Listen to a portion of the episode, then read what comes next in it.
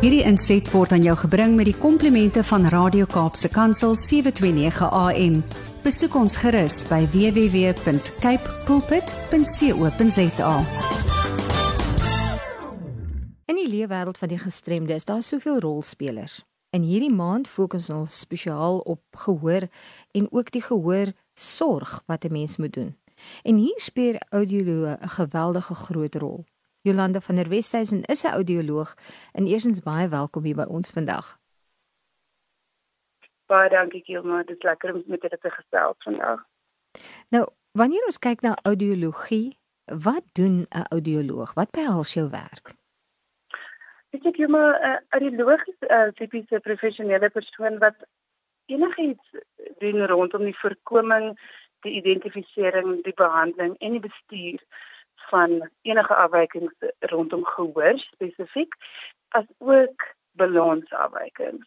So tipies op 'n dag-tot-dag basis werk ons daar met mense wat 'n bietjie sukkel met hulle gehoor om te identifiseer is daar 'n gehoorverlies, hoe erg dit is en wat ons rondom dit kan doen en dan die proses van behandeling vanaf identifisering tot amper die rehabilitasie daarvan en dan so ook met met balansafwykings in dieselfde sin. Nou wanneer ons kyk na gehoor, wat is die gevare wat ons gehoor kan beïnvloed van veral in vandag se gemeenskappe?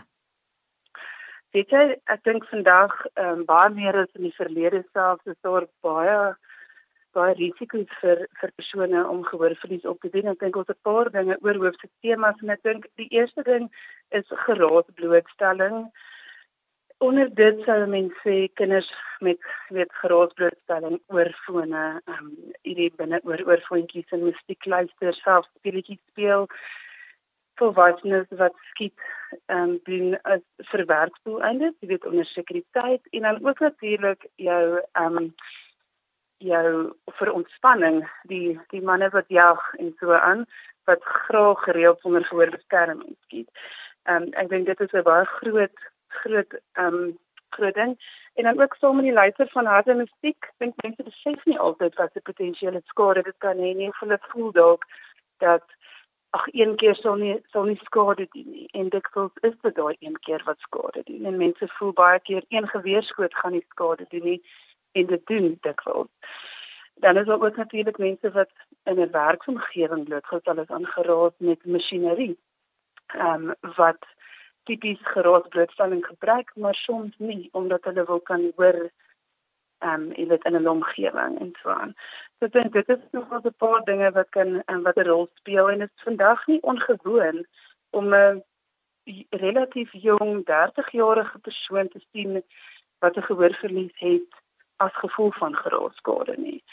So dit is nog 'n groot probleem vir ons tyd en ek dink dit is iets wat ons dalk self oor 'n paar jaar eers eintlik die volle impak daarvan sal besef. Dit is waar wat jy sê en baie mense wat buite die ehm um, jy weet mense wat nie eers direk na die apparaat luister nie word ook soms ingesleep in hierdie aardige geluide en geraas eintlik wat mense ore eintlik kan seermaak selfs van 'n afstand af. Nou kom ons kyk so 'n bietjie, hoe kan ons mense help vandag om voorkomend op te tree om gehoorverlies te beperk? Hmm. So weer eens ek dink daar is 'n paar punte wat van toepassing is hier. Eerstens gehoorbeskerming bly die belangrikste ding. In 'n werksomgewing met masjinerie sal dit altyd belangrik wees om gehoorbeskerming te dra. Indien jy in 'n omgewing is waar jy voel jy moet kan kommunikeer met die mense rondom jou, maar ook jy gehoor beskerm, daar is spesifieke pasgemaakte gehoorbeskerming met filteropsies wat wat jou toelaat om steeds die gesprek te hoor maar die gevaarlike geraas te denk. En dan dieselfde met skiet uh, met jag. Um, en ek dink dis 'n belangrike boodskap vir daai ehm um, vompie wat jag is dat een skoot, selfs een skoot kan skade maak. So elke liewe skoot wat jy gebruik, beskerm jou gehoor en as jy jou kinders of jou familie saamvat, selfde geld vir hulle al is hulle eentjie weg van jou af. So ehm um, en dan ook natuurlik in 'n musiekomgewings, kunstenaars, uh, enigiemand wat op 'n meer permanente basis met musiek werk, ehm um, natuurlik gehoorbeskerming daarvoor en en op 'n ontspanningsvlak as jy 'n musiekkonsert gaan luister, asseblief nie naby die luidsprekers nie en indien jy wel in 'n baie roterige konsert is, is gehoorbeskerming steeds nie aangewese ding. Mens kan dit steeds geniet al is die klank net 'n klein bietjie sagter. Kan jy nog steeds die volle die volle gevoel daarvan kry. Ek onthou met dit is daar 'n ekskuus tog. Sommige dit is 'n gesonde leefstyl wat wat wat belangrik is. Ehm um, rook byvoorbeeld is 'n bydraende faktor tot gehoorverlies en sekere medikasie ook.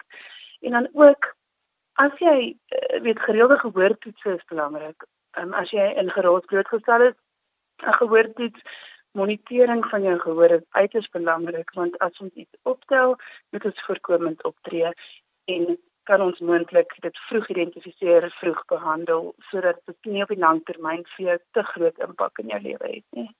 Wat is die effek van gehoorverlies op 'n individu? So dit kan nogal 'n um, 'n groot effek hê tot verskillende grade van gehoorverlies. So, ek dink sekere sekere van hierdie punte wat ek noem is dit van toepassing op mense met 'n meer geringe verlies en sekere met 'n met 'n groter verlies. Maar ek dink um, in geheel is daar is daar 'n paar faktore. Um, een van die simptome of die nagevolge van gehoorverlies is tinnitus. Nou tinnitus is daardie verskynsel wat jy hoor in jou ore wat jy ore sy.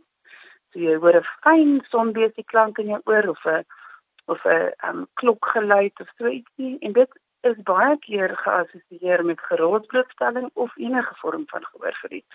En dit het nog 'n ingrypende impak op meeste meeste persone. So tinnitus is definitief een van die effekte van 'n gehoorverlies.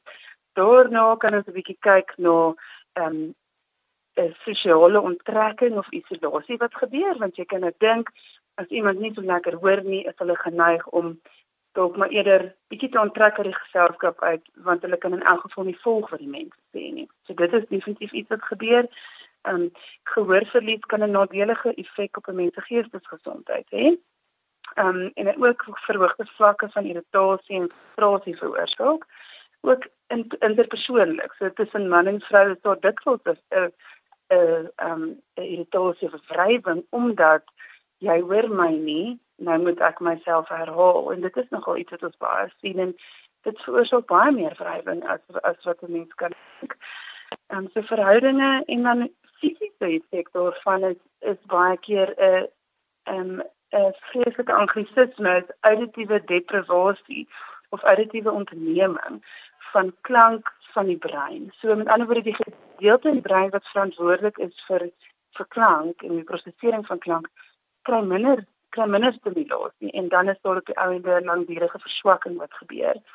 So dit is definitief ook een van die effekte van 'n gehoorverlies. Ja, as mens daarna luister dan dan herken die mens ook al sekere simptome en ook wat mense gesê het daarvan. Maar kom ons kyk ja. so 'n bietjie wat is die eerste tekens van 'n moontlike gehoorverlies? Mm.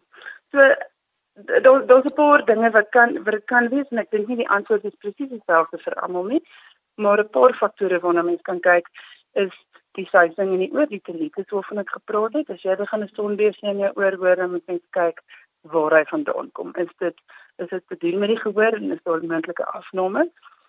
Ehm um, tipiese ander simptome is wanneer jy sukkel om te hoor as iemand met jou praat byvoorbeeld met 'n masker aan, wat deesdae nogal algemeen is.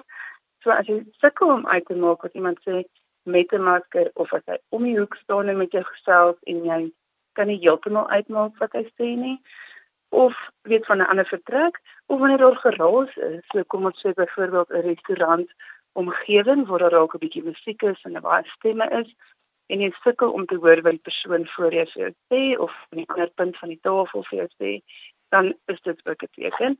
En dan die ander ding wat mense nie uit die weg moet laat nie is baie keer kom jy self nie agter dat daar 'n afname in die gehoor is nie omdat dit dikwels stelselmatig gebeur. En dan is dit ander mense wat baie keer vir jou sê, "Maar ek dink jy moet vir 'n gehoor iets gaan." en jy weet dit baie keer is gespottery van ehm um, kan ek vir jou afspraak maak of ek ken 'n audioloog of so iets. Maar dikwels is dit die eerste teken daarvan want ander mense kom agter dat jy nie hoor nie voor jy dit self eintlik besef altyd. So luister tog maar vir die vrou of die man of die iemand iemand wat vir jou sê ehm um, dis dalk tyd vir 'n gehoor, dan is dit moontlik tyd daarvoor. Waardevolle inligting wat ons nou deel en daar's heel waarskynlik 'n paar mense wat nou so 'n bietjie regop sit veral wat die tinnitus aanbetref. Dit is nogal iets wat in jou of wat stadig inkruip en jy nie noodwendig altyd eers besef dit begin gebeur nie. So kom ons gee verwysing waartoe kan ons mense verwys as hulle nou sê joef nee, jy gaan nou iets aan. Okay, so ons is van die ehm um, Suid-Afrikaanse Audiologie Vereniging en daarom ons het 'n klompie audioloë wat lede is van ons vereniging en om jou naaste audioloog in jou area te kan kontak, kan jy na ons webtuiste gaan. Dit is www.audiologysa.co.za. Baie dankie dat jy met ons gesels het vandag en daai kennis gedeel het en ons hoop dat in hierdie maand van Maart dat mense ook net bietjie meer bewus sal word en raak betrokke by verskillende bewusmakingsprosesse. Onthou gehoor, gehoor verlies. Jy kan dit nie omdraai of koop of niks kan dit terugbring nie. So kom ons wees versigtig met dit wat na ons ore toe kom en selfs dit wat ons in ons ore gebruik. Mm, absoluut baie dankie vir die geleentheid. Baie dankie vir jou gesels. 'n Heerlike dag verder. Totsiens. Dankie. Hierdie inset was aan jou gebring met die komplimente van Radio Kaapse Kansel 729 AM. Besoek ons gerus by www.cape pulpit.co.za.